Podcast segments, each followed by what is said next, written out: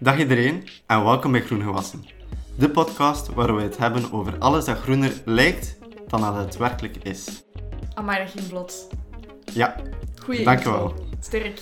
vandaag zit ik hier met Margot Koppens, mijn co-host. Oh, wat een mooie titel. Ja, dank u. Dag Margot. Hey, dag Tom. Wat is groenwassen? Of greenwashing in het Engels? Ja. Het is ehm, een issue waar we zelf een beetje mee struggelen. Of ik zal toch voor mezelf spreken. We willen goed consumeren. En met goed bedoel ik bewust. En nadenken over wat dat we kopen, waarom dat we het kopen, of dat we het wel moeten kopen. En wat voor impact dat het heeft op de wereld. En het moeilijke daaraan is dat het soms eh, heel wazig is om te weten of het al dan niet groene alternatief effectief groen is. Of wat die producenten ervan beweren echt wel juist is, dat het beter is om hun product te kopen.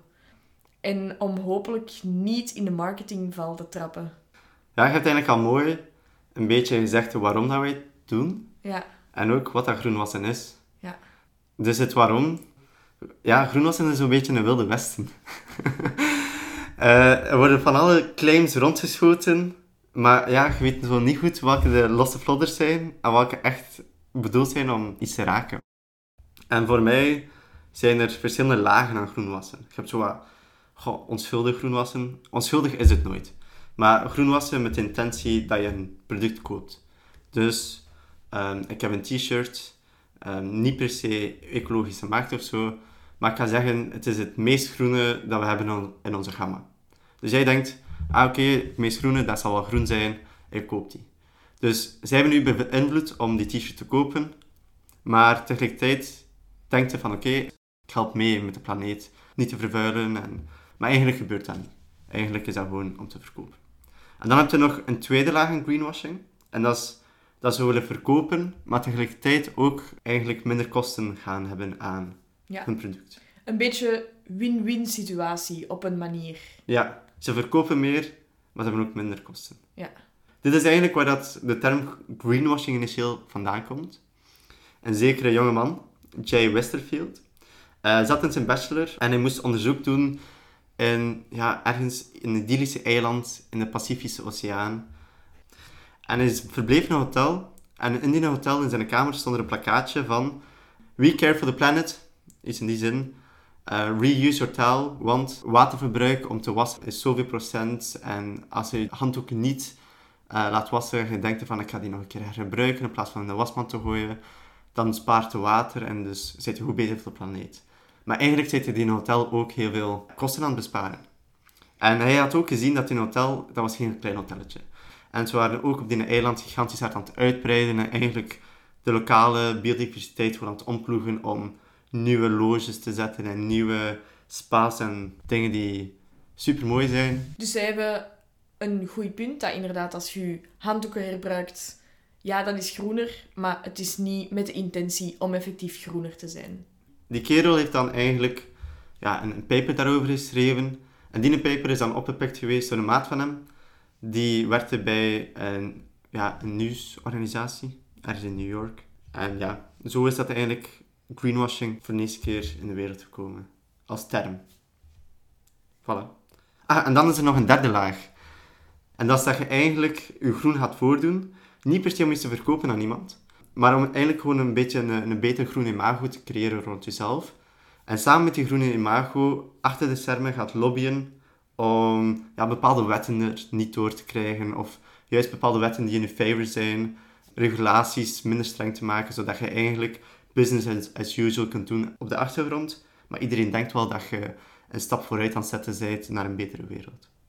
Ja, dus het wordt effectief eigenlijk heel interessant. Wij doen dit ook uit eigen interesse, omdat Ja. we dit gewoon een, een goed topic vinden en we willen daar zelf meer over weten. En wij bundelen dit voor u. Ja. Dus voor de mensen die weinig tijd hebben, moeten eigenlijk hier naar luisteren. En gaat er heel veel bijleren over wat moet ik nu wel kopen, wat moet ik wel steunen. En wij gaan proberen om zo kritisch mogelijk te staan tegenover alles wat we vinden. eh, en alles zo duidelijk mogelijk over te brengen.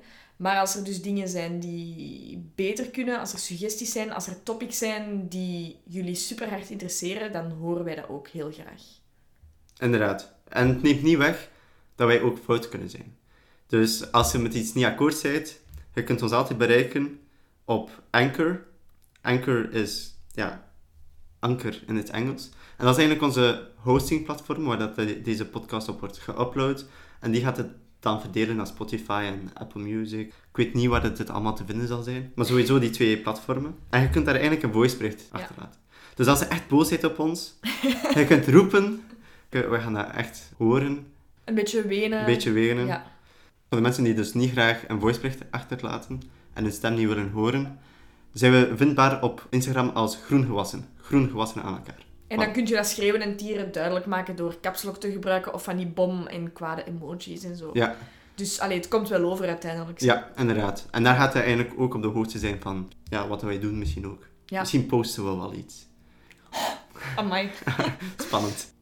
Hoe gaat het aanpakken, Margot?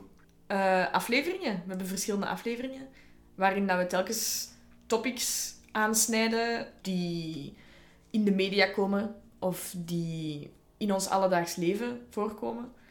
Eh, en waar dat er heel veel rond wordt groen gewassen. Een van die topics, misschien moeten we Een beetje teasen. een beetje teasen. We gaan nog niet alles verklappen.